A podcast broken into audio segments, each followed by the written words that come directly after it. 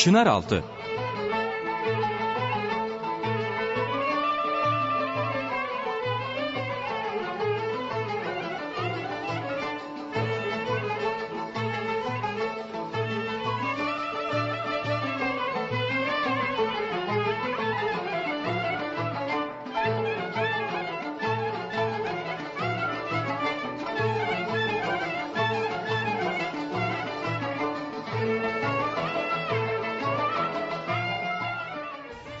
Merhaba değerli dinleyiciler. TGRT FM Radyosu'nun İstanbul stüdyolarından hepinize merhaba. Bir haftalık bir aradan sonra işte yine sizlerle beraberiz. Her hafta bu saatlerde radyonuz mikrofonlarından size ulaşan Çınaraltı programının bir yenisinden hepinizi sevgi ve saygıyla selamlıyoruz.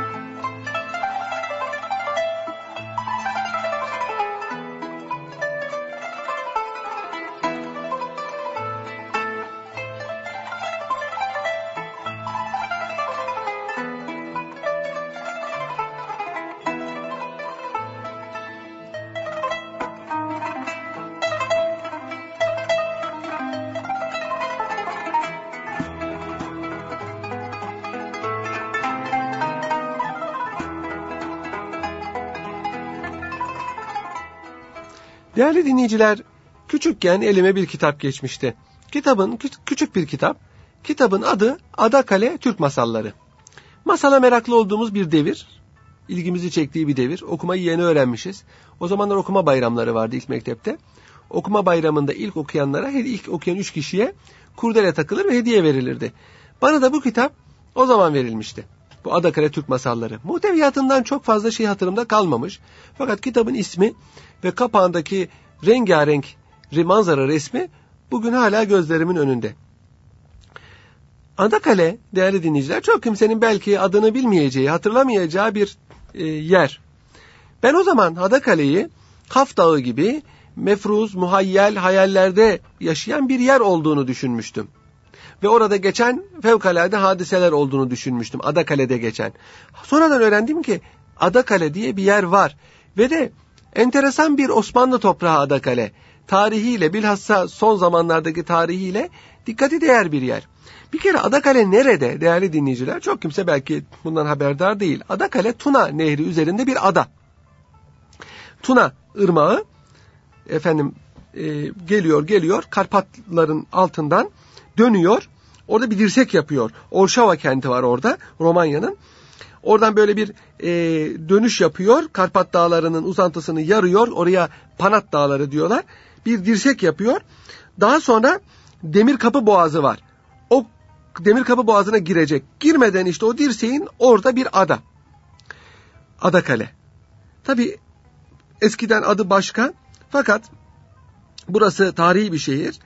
Burası fethedilmiş değerli dinleyiciler. Yaklaşık bir, bir buçuk kilometre uzunluğunda bir ada yani e, bir e, kilometre karenin beşte biri büyüklüğünde de bir büyüklüğü var.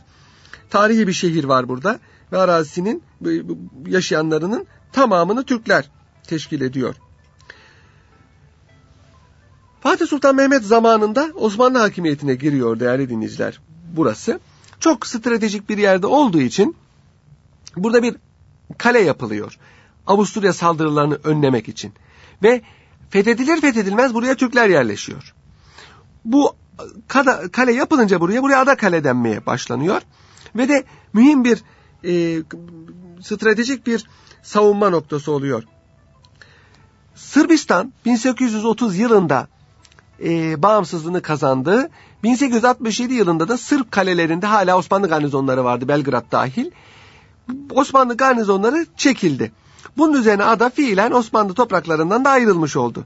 Fakat nüfusunun tümüyle Türk ve Müslüman olması itibariyle fiilen Osmanlı Devleti'ne bağlı kaldı. Fakat e, hala vaziyeti resmi olarak e, belli değildi. 93 Harbi denilen 1877-78 Osmanlı-Rus Harbi'nde malum Osmanlı Devleti yenildi. Bunun üzerine Ayastefenos anlaşması imzalandı. Bu anlaşmayla Adakale'nin boşaltılması kararlaştırıldı.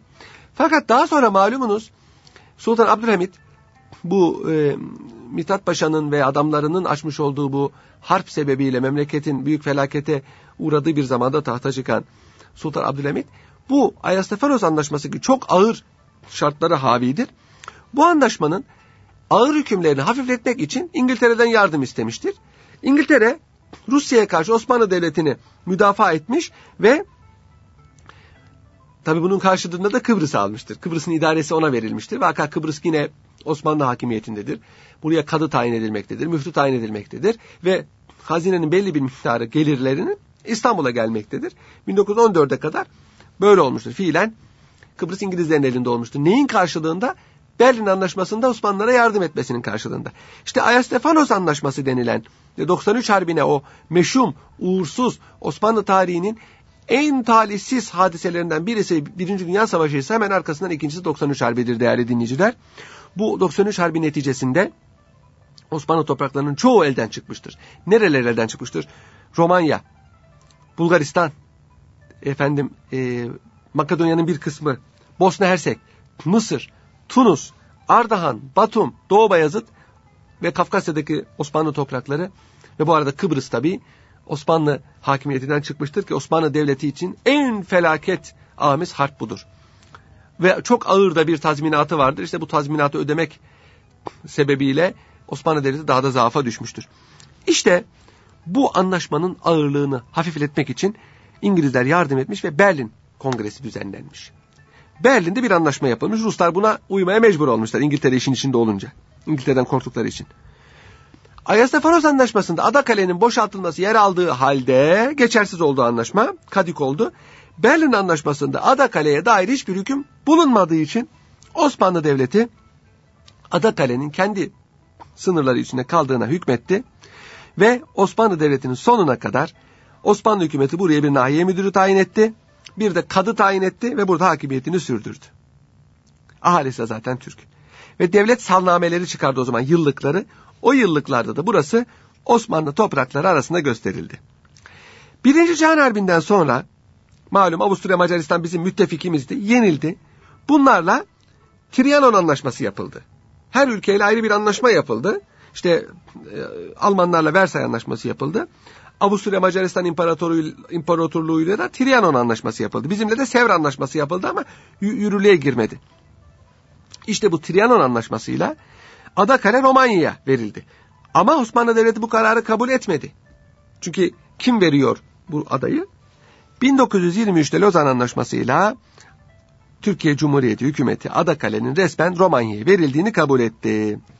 Şimdi buraya kadar Adakale'nin enteresan tarihidir. Yani fiiliyatta fiiliyatta Osmanlı Devleti'ne bağlı kalmış e, vaziyeti, hukuki vaziyeti tespit edilmediği için her yer kaybedildiği halde Rumeli'deki e, Tuna'daki son toprağımız, Tuna kenarındaki son toprağımız Osmanlı Devleti'nin sonuna kadar bizde kalmıştır. Değerli dinleyiciler, Adakale'nin bir hususiyeti bu. Yani tarihi hususiyeti. Enteresan bir tarihi var. Romanya'da halkı tümüyle Türklerden ve Müslümanlardan müteşekkil tek yerleşim birimi Adakale'ydi. Bunun dışındaki bütün köylerde, kasabalarda, şehirlerde iyi kötü gayrimüslimler, Romenler ve Yahudiler vardı. Ama Adakale'nin tamamı Müslüman Türklerden oluşuyordu. 1967 yılında burada 150 hane bulunuyordu. 750 nüfusu vardı değerli dinleyiciler. Halk tütün ekerdi, tütüncülük yapardı, kayıkçılık yapardı. Efendim ayrıca Tuna'daki gezinti gemilerinde yani turistik gemilerde kahvecilik yapardı. Çok güzel bir mimarisi vardı. Yapılar tuğla çatılı, tek katlı, beyaz boyalı kârgir evlerdi. Adada tek minareli bir de cami vardı. Adakale'nin bir başka hususiyeti de değerli dinleyiciler, Türk geleneklerini canlı bir şekilde işlerinde yaşatmalarıdır ve 500 sene muhafaza etmeleridir. 67 yılına gelinceye kadar adada bu Türk gelenekleri 500 yıllık gelenekler yaşamıştır. Hatta Macar Türkolog Ignaz Kunoş 100 kadar Adakale türküsü derlemiştir. İşte benim çocukken hatırladığım Adakale Türk masalları da bu devirde derlenmiş bir Adakaleli tarafından bir kitap haline getirilmiş ve e, hayatta kalması, yaşaması sağlanmıştır.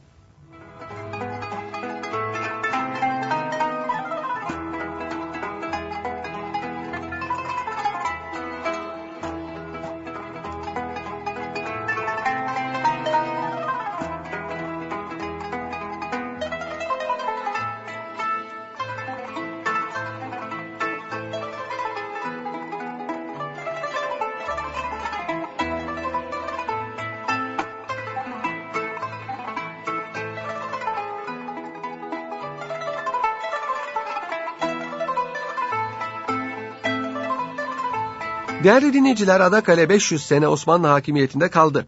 1923 yılında e, Romanya'ya verildi ve Adakale halkı bunu bir üzüntüyle, üzüntü olarak değerlendirdiler, bir felaket olarak değerlendirdiler. Fakat değerli dinleyiciler adanın tek felaketi bu değildi. Bu 1923'te Romanya'ya verilen adanın 50 yıllık ömrü kalmıştı. 1967 yılında zamanın Romanya hükümetiyle Yugoslavya hükümeti yani ben sizin anlayacağınız dilden söyleyeyim Çavuşescu ile Tito iki sosyalist lider Tuna'ya bir baraj yapmak için anlaştılar. Çünkü ada Sırbistan'la yani Yugoslavya ile Romanya e, hududundaydı. İşte 67 yılında başlanılan Demir Kapı barajı Adakale'yi sular altında bıraktı Türklerin o dillere destan şarkılarda yaşayan Ada Kalesi böylece sular altına gömüldü. Bütün tarihi hazineleri ve tek minareli camisi, güzelim evleri şimdi Tuna'nın 30 metre derinliğinde yatmaktadır. Evet, o 150 kişi, orada yaşayan 150 kişi 1500 metre uzunluğunda 500 metre genişliğindeki adada 500 sene yaşadılar ve ada Türklerden alınıp Romenlere verildi. Bu Türklere çok acı geldi ama esas acı daha sonra yaşandı. Adanın sular altında kalmasıyla bir tarihte sular altında kalmış oluyordu.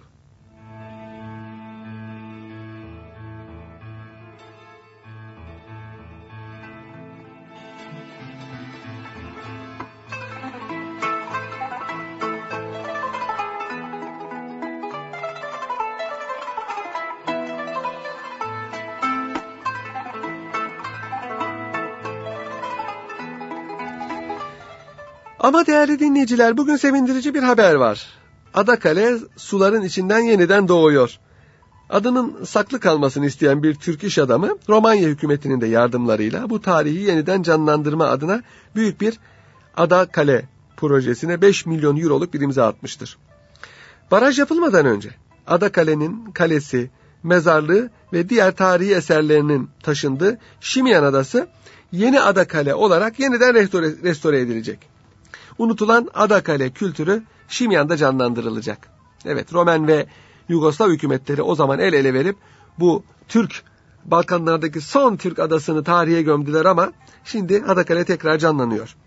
Romanya'da Adakale'deki Türk ve Osmanlı kültürünü yaşatmak ve korumak adına bu kültürün Şimyan Adası'nda yaşatılması için bir Adakale kanunu çıkarıldı. Bu kanun çerçevesinde işte bu bahsettiğimiz Türk iş adamı 39 yıl sonra adanın sular altında kalmasından 67'de başladı baraj vaka 70 ve 72'de bitti. 72'de artık tamamen sular altında kaldı. E, bu adanın e, kültürünü yaşatabilmek için Şimyan adasını yani Yeni Adakale adasını 49 yıllığına kiraladı bu iş adamı. Türk iş adamı ada üzerindeki tarihi kalıntıların restorasyonunu üstlenip adayı Avrupa'dan Karadeniz'e açılan Tuna turizmine kazandırmak için büyük bir proje geliştirdi. Bu projeye göre değerli dinleyiciler Romanya'nın şehir ve eski kültürel eserlerinin yer alacağı minyatür Romanya ve Türkiye'nin tarihi ve turistik değerleri başta olmak üzere Mardin evleri ve Mısır piramitlerinin de yer alacağı minyatür bir dünya projesi hayata geçirilecek. 55,5 hektarlık adaya oteller, çevre düzenlemeleri, eski Adakale'nin tarihi mirasını sergileyen mekanlar, spor tesisleri, gazinolar, restoranlar, gemi limanı, parklar, küçük ormanlar, eğitim ve tedavi merkezleri yapılacak. 5 yıl içinde tamamlanması umulan bu dev projeyle yeni Adakale Tuna turizmine açılacak. İstanbul'dan ve Tuna'nın geçtiği ülkelerin mühim merkezlerinden bu eski Türk adasına gemi turizmi yapılacak.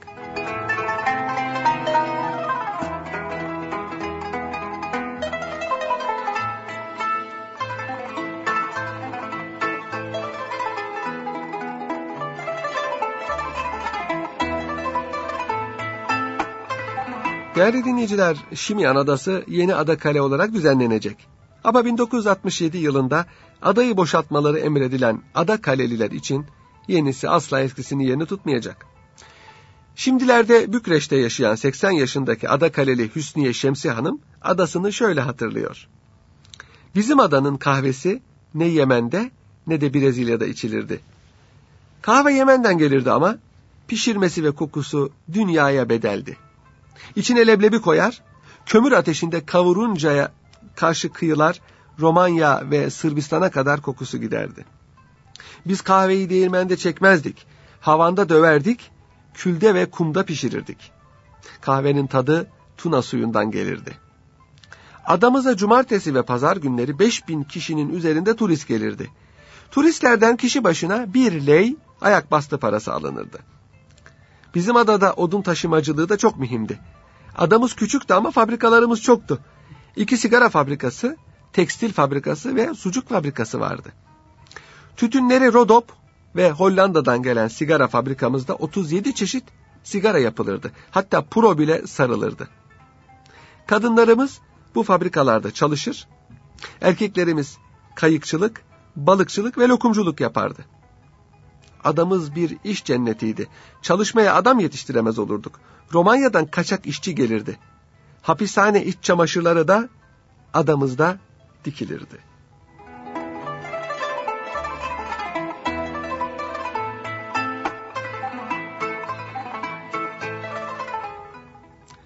Evet, Adakaleli Hüsniye Şemsi Hanım devam ediyor. 1962-1963 yıllarında Romenler Adakale'yi Şimiyan'a taşıyacağız dediğinde ada halkı aksülemel gösterdi. Reaksiyon gösterdi. Bu komünist idareye yapılan mühim bir başkaldırıydı. Kale içinde tüm ada halkı toplanıp adayı terk etmeyeceğimizi, gerekirse Türkiye'ye gitmek istediğimizi Bükreş'e duyurmuştuk. Zamanın devlet başkanı Nikolay Çavuşescu'ya imzalı bir dilekçe yazdık. Ama bizi Tuna'ya döker, balıklara yem yapar diye korkudan postaya veremedik. Ancak gizli yollardan bu dilekçeyi Türkiye Büyükelçiliğine ilettik.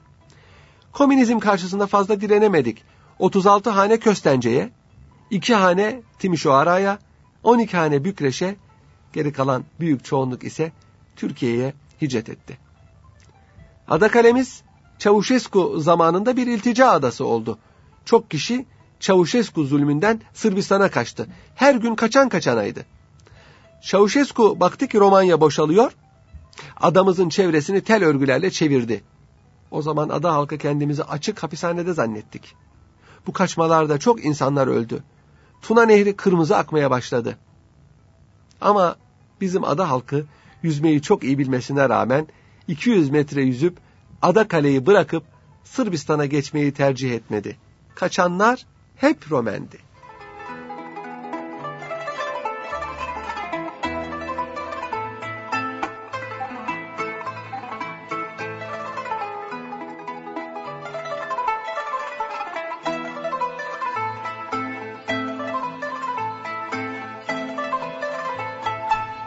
Bir başka ada kaleli.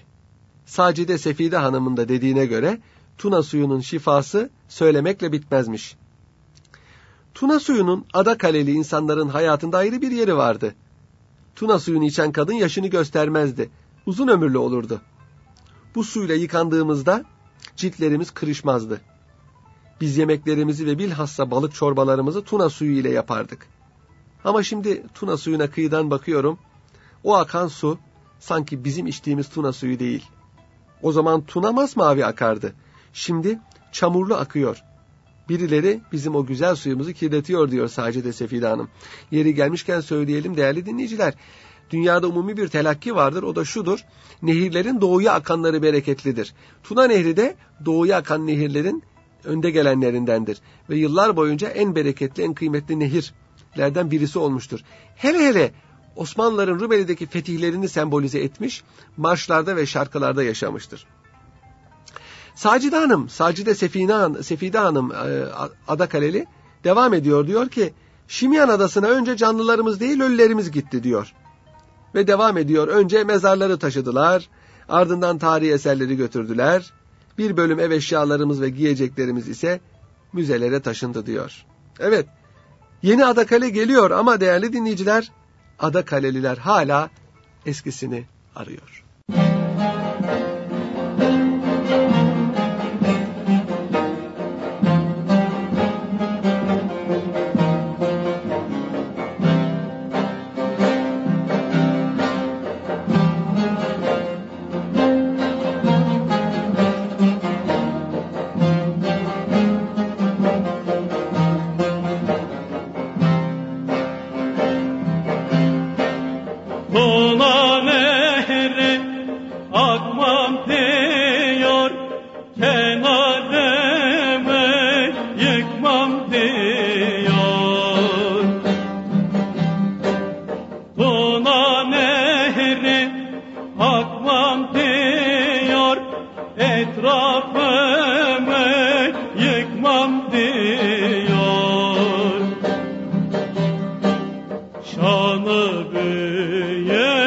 Osman Paşa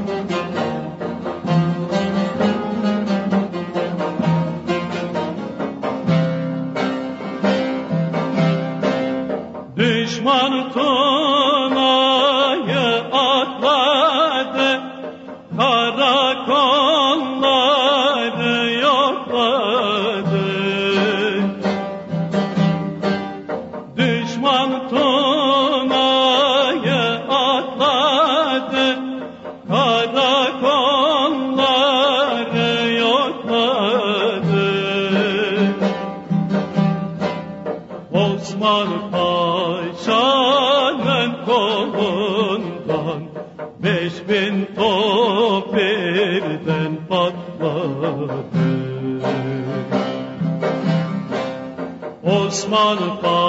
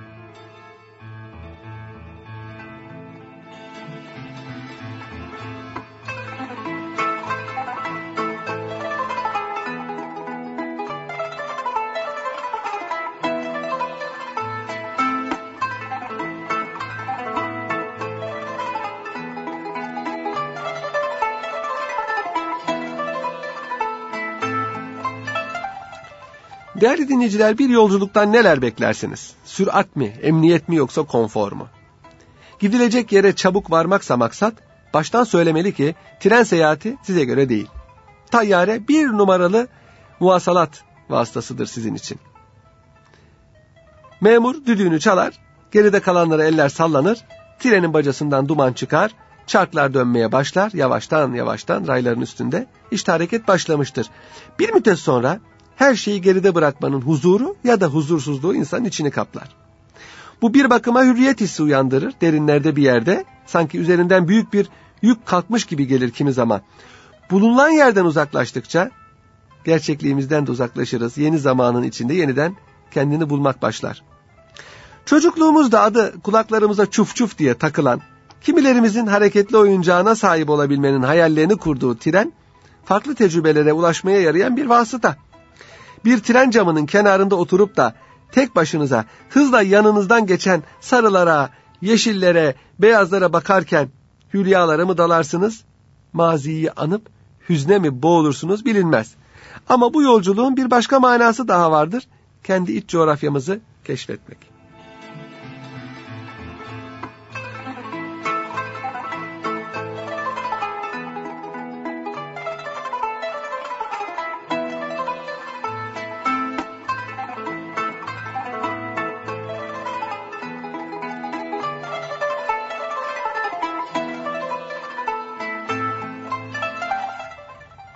Tren yolculuğunun en konforlu ve lüks şekilde yaşanabileceği tek adres Orient Express'tir değerli dinleyiciler.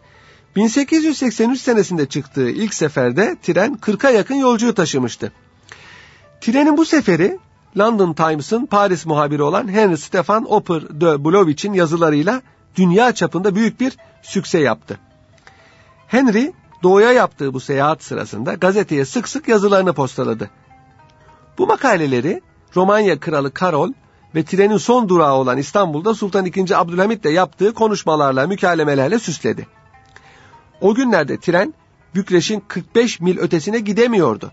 Yolcular nehri feribotla geçip Bulgaristan'ın Karadeniz kıyısındaki Varna'ya ulaşmak için düşük kaliteli bir trene biniyor. Oradan da rahatsız bir gece yolculuğu geçirecekleri bir gemiyle İstanbul'a ulaşıyorlardı. Evet, İstanbul'a ulaşmak o zamanlar ne kadar zahmetliymiş. Ama şehrin büyüsü hiçbir engel tanıtmamış zamane aristokratlarına. Birkaç yıl sonra Romanya'nın Karadeniz kıyısındaki birkaç köprü üzerinden geçen yeni demir yolları yapıldı. Bu yeni yol tren değiştirme mecburiyetini ortadan kaldırdı. Asrın başında raylar Budapeşte, Belgrad, Niş, Dragoman geçidi ve Sofya'dan geçerek İstanbul'a ulaşıyordu. 1800 millik bu yol 3 gece sürüyordu. Hamburglu bir firmanın 1889 yılında başlattığı demiryolu mühendisliği Orient Express'in yolunu açtı. Bu yol Alplerin altından geçen İsviçre ve İtalya'yı birbirine bağlayan Simplon tüneliydi. 1906 yılında açılan bu tünelle artık Paris, Milano ve Venedik'e daha yakındı. Daha doğuda kalan İstanbul'a gitmek için alternatif bir yol ortaya çıkmıştı. Aynı senenin sonuna doğru Simplon Orient adını alan yeni bir büyük ekspres sefere başladı. Birinci Cihan Harbi Avrupa'daki tren yolu muhasalatını sekteye uğrattı. Ancak harpten sonra tren Almanya ve Avusturya'ya uğramaktan vazgeçerek Simplon tünelini Hurata olarak aldı. İkinci Cihan Harbi sırasında Avrupa'daki demir yolları büyük zarar gördü. Aralık 1945'te konforu biraz azaltılmış olan Simplon Orient Express sadece Trieste'ye kadar uzanan seferine çıkmaya başladı. Ama bu zaman içinde trenin yataklı vagonlarından bir kısmı trenden ayrılmış ve bir daha aylar boyu görünmemişlerdi. Salahiyettar kimseler yolculuk için eski vagonları kullanmaya karar verdiler. İkinci sınıf yataklardan müteşekkil 20 yeni vagonlu yarı lüks olarak anılan Simplon Orient bu şekilde 26 Mayıs 1962'ye kadar hizmet verdi. Daha sonra günlük seyahat için koltuklu sıradan bir trenle yer değiştirdi. Ama Paris-İstanbul arası seferler için haftada iki, Atina için ise trene haftada üç kez yataklı vagon eklendi. Bu trene Direkt Orient Express adı verildi. Trenin ana yolcularını gezgin Türk işçileri, sırt çantasıyla dolaşan turistler ve bir de köylüler teşkil ediyordu. Bu tren Mayıs 1977'ye kadar hizmet verdi. Ekim 1977'de James Sherwood, Orient Express'in ilk zamanlarındaki ihtişamını ve cazibesini geri kazandırmak için teşebbüslerde bulunmaya başladı. Restoran vagonları, pulman ve yataklı vagonlar tedarik edilip İngiltere, Belçika ve Almanya'da restore edildiler. Kullanılmayan vagonların ekserisi İspanya'da duruyordu. Diğerleri ise müzeler, hususi koleksiyonlar ve onları restoran olarak kullanan catering firmalarında kalmıştı. Trenin yenilenmesi ve tanzim, tanzimi efendim bitti. 25 Mayıs 1982'de James Sherwood rüyasını hakikate dönüştürdü. Venice Simplon Orient Express Venedik'e gitmek üzere Victoria Garı'ndan ayrıldı. Yolcuları arasında İngiliz lordları, leydileri, aristokratlar, eğlence dünyasından şahıslar ve politikacılar bulunuyordu.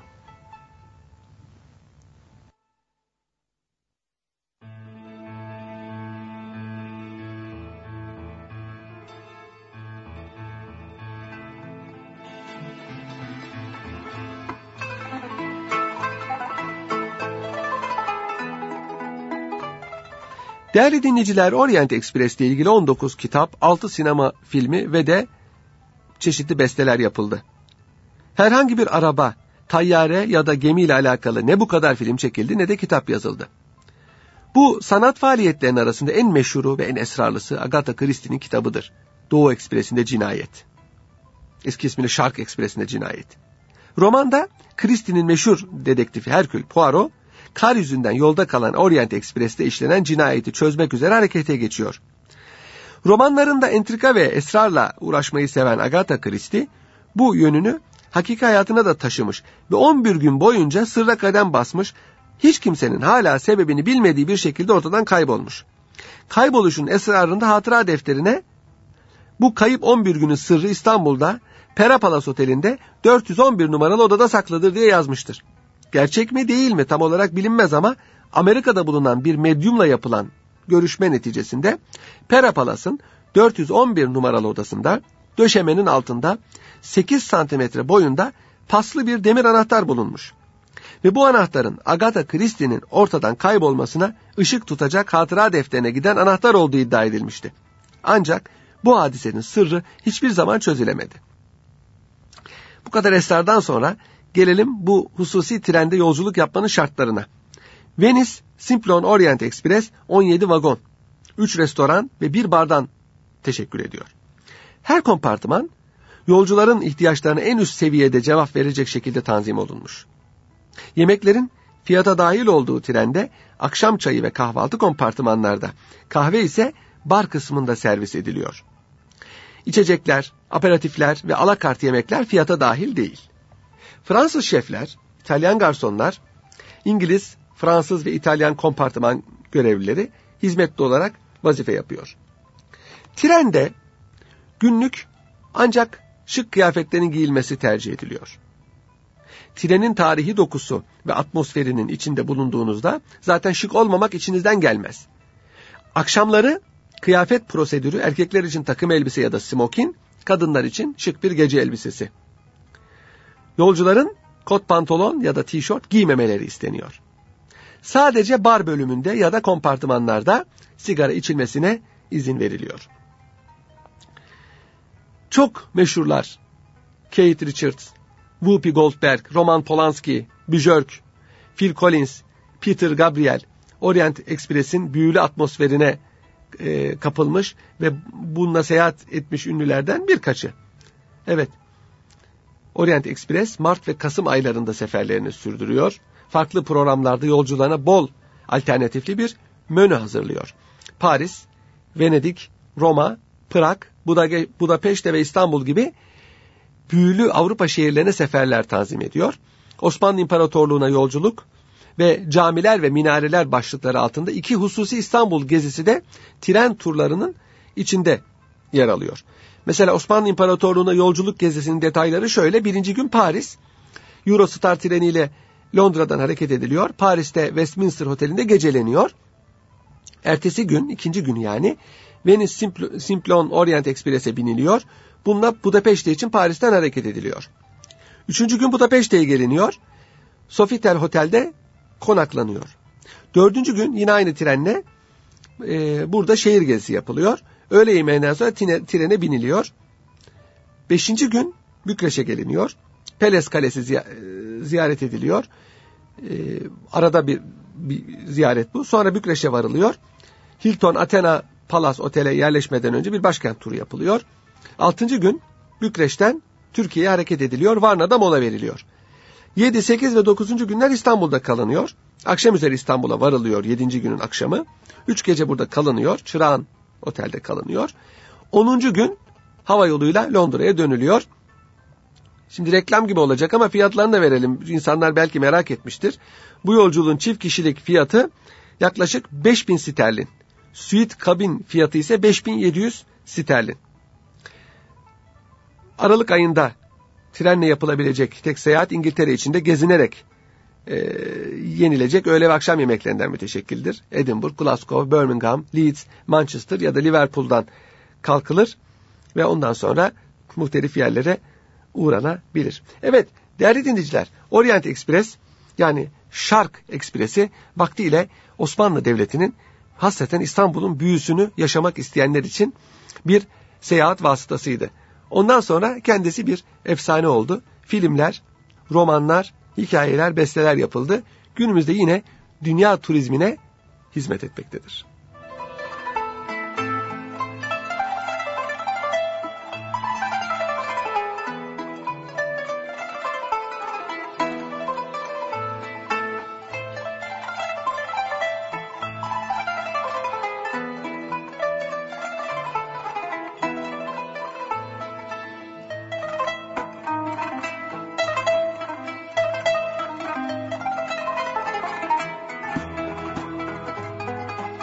Evet değerli dinleyiciler bu haftalık da bu kadar. Haftaya yeni bir Çınaraltı programında ve yeni mevzularla buluşuncaya dek hoşçakalın.